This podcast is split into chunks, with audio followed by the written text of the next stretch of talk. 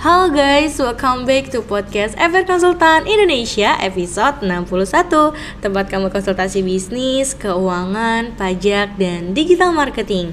Bersama saya Mutianeta Di episode kali ini saya akan menemani kalian nih dalam beberapa menit ke depan Yang pastinya dengan topik yang seru dan bangun buat kaum milenial. Are you ready to be a billionaire at young age? Pastiin kamu dengerin sampai selesai ya di episode kali ini yang akan kita bahas tentang bisnis lagi nih. Siapa sih orang yang gak ingin punya bisnis?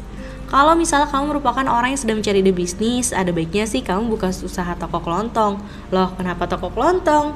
Jadi, ide usaha ini bisa menjadi salah satu sumber penghasilan tambahan dengan keuntungan yang cukup menjanjikan loh. Terlebih kalau misalnya kamu buka toko kelontong sendiri tidak memerlukan modal yang cukup besar.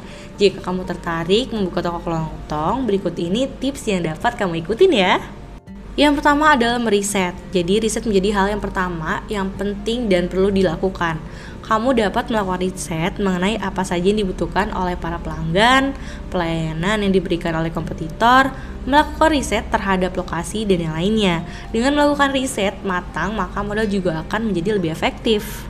Yang kedua adalah modal. Dari hasil riset, kamu dapat menggunakan modal untuk menyediakan barang-barang yang dibutuhkan oleh konsumen beserta pelayanan apa sih yang akan diberikan dan selanjutnya yang gak kalah penting adalah lokasi strategis. Dengan toko yang kamu miliki di lokasi strategis, orang-orang akan lewat dan melirik toko kamu. Kemudian jangan lupa ya untuk menjaga kebersihan toko. Karena kalau misalnya toko kita bersih, maka juga menunjukkan kualitas barang yang diberikan. Selain itu, kalau misalnya lokasi yang strategis, maka orang-orang juga akan lebih mudah untuk berbelanja di toko. Hal ini terutama jika toko kamu tempat parkir dan aksesnya luas, jadi mudah untuk dijangkau. Selanjutnya, kamu memiliki gudang. Nah, pikirkan bagaimana sih stok barang kamu akan kamu simpan. Ada baiknya sih kamu punya gudang untuk menyimpan stok tersebut.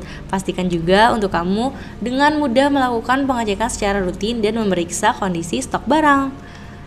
Yang kelima ada distributor. Harga menjadi salah satu pertimbangan loh. Jadi kalau misalnya mereka cenderung membeli jika toko menawarkan harga yang murah dengan produk orisinil. Oleh karena itu, kalau misalnya kamu mendapatkan distributor, hal ini dapat menjadi keuntungan. Selanjutnya ada layanan. Kamu dapat menawarkan pelayanan pengiriman setiap mingguan atas dasar perjanjian, memberikan pelayanan dan pembayaran secara online dan yang lainnya.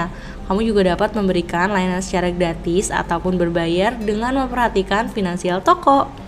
Dan yang terakhir adalah mengelola keuangan. Hal ini penting banget untuk kamu ketahui karena ini adalah hal penting untuk mengetahui keuntungan yang diperoleh, yang kemudian untuk memenuhi biaya secara personal, untuk membeli stok barang, atau untuk mengembangkan bisnis lagi.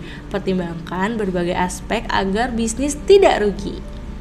Nah, jadi itu dia tips dari aku gimana sih cara membuka uh, ide bisnis toko kelontong. Semoga membantu ya.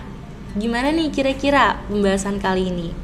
Thanks banget buat para Gen Z yang udah dengerin sampai akhir di episode 61 mengenai buka toko kelontong usaha yang menjanjikan jangka panjang untuk mendapatkan lebih banyak tips dan trik tentang bisnis, keuangan, pajak, dan digital marketing, kalian pantau terus ya podcast FR Konsultan Indonesia dan tunggu update-annya di Instagram at FR Konsultan Indonesia.